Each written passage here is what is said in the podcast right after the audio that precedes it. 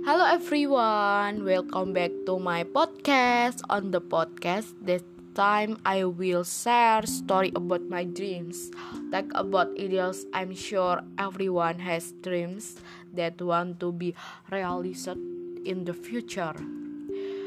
Childhood is a time when we think of many questions. For example, what we want to be in the future?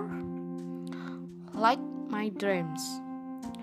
When I was a girl, I want to be become a doctor, providing health service of community to provide care for the sick. Just image is very happy.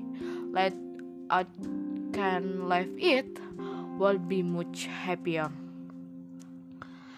Then when I understand his school that I worked hard to realize my dream of becoming a doctor from studying actually understanding and manifesting biology and chemistry subject.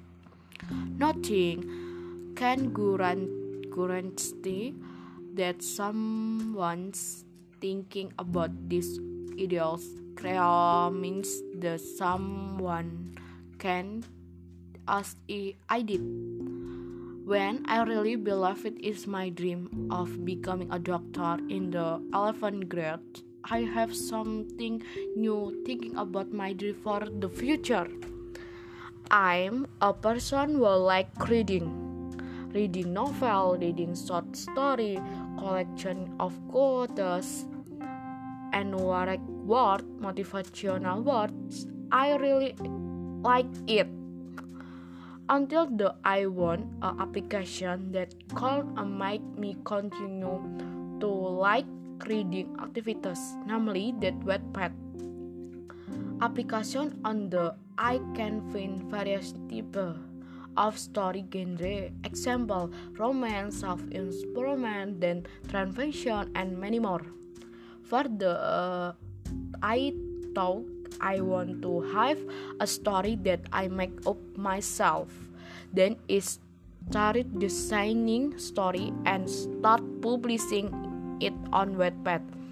I did not think that many people visit and my story and like the story I made. From there, my aspiration began to can I want to become a writer having a story published into a novel that is displayed in all bookstore Indonesia. Look interesting is not isn't not it? Having a stand of mean about ideals is my opinion is natural. The most impressive this is realizing my dream is to keep trying and uh, complicated by prayer Okay, I think there's no until here is a story about my dreams. Thank you for listening to my podcast about the dream of continuing your activity and enjoy your time. Thank you. Goodbye.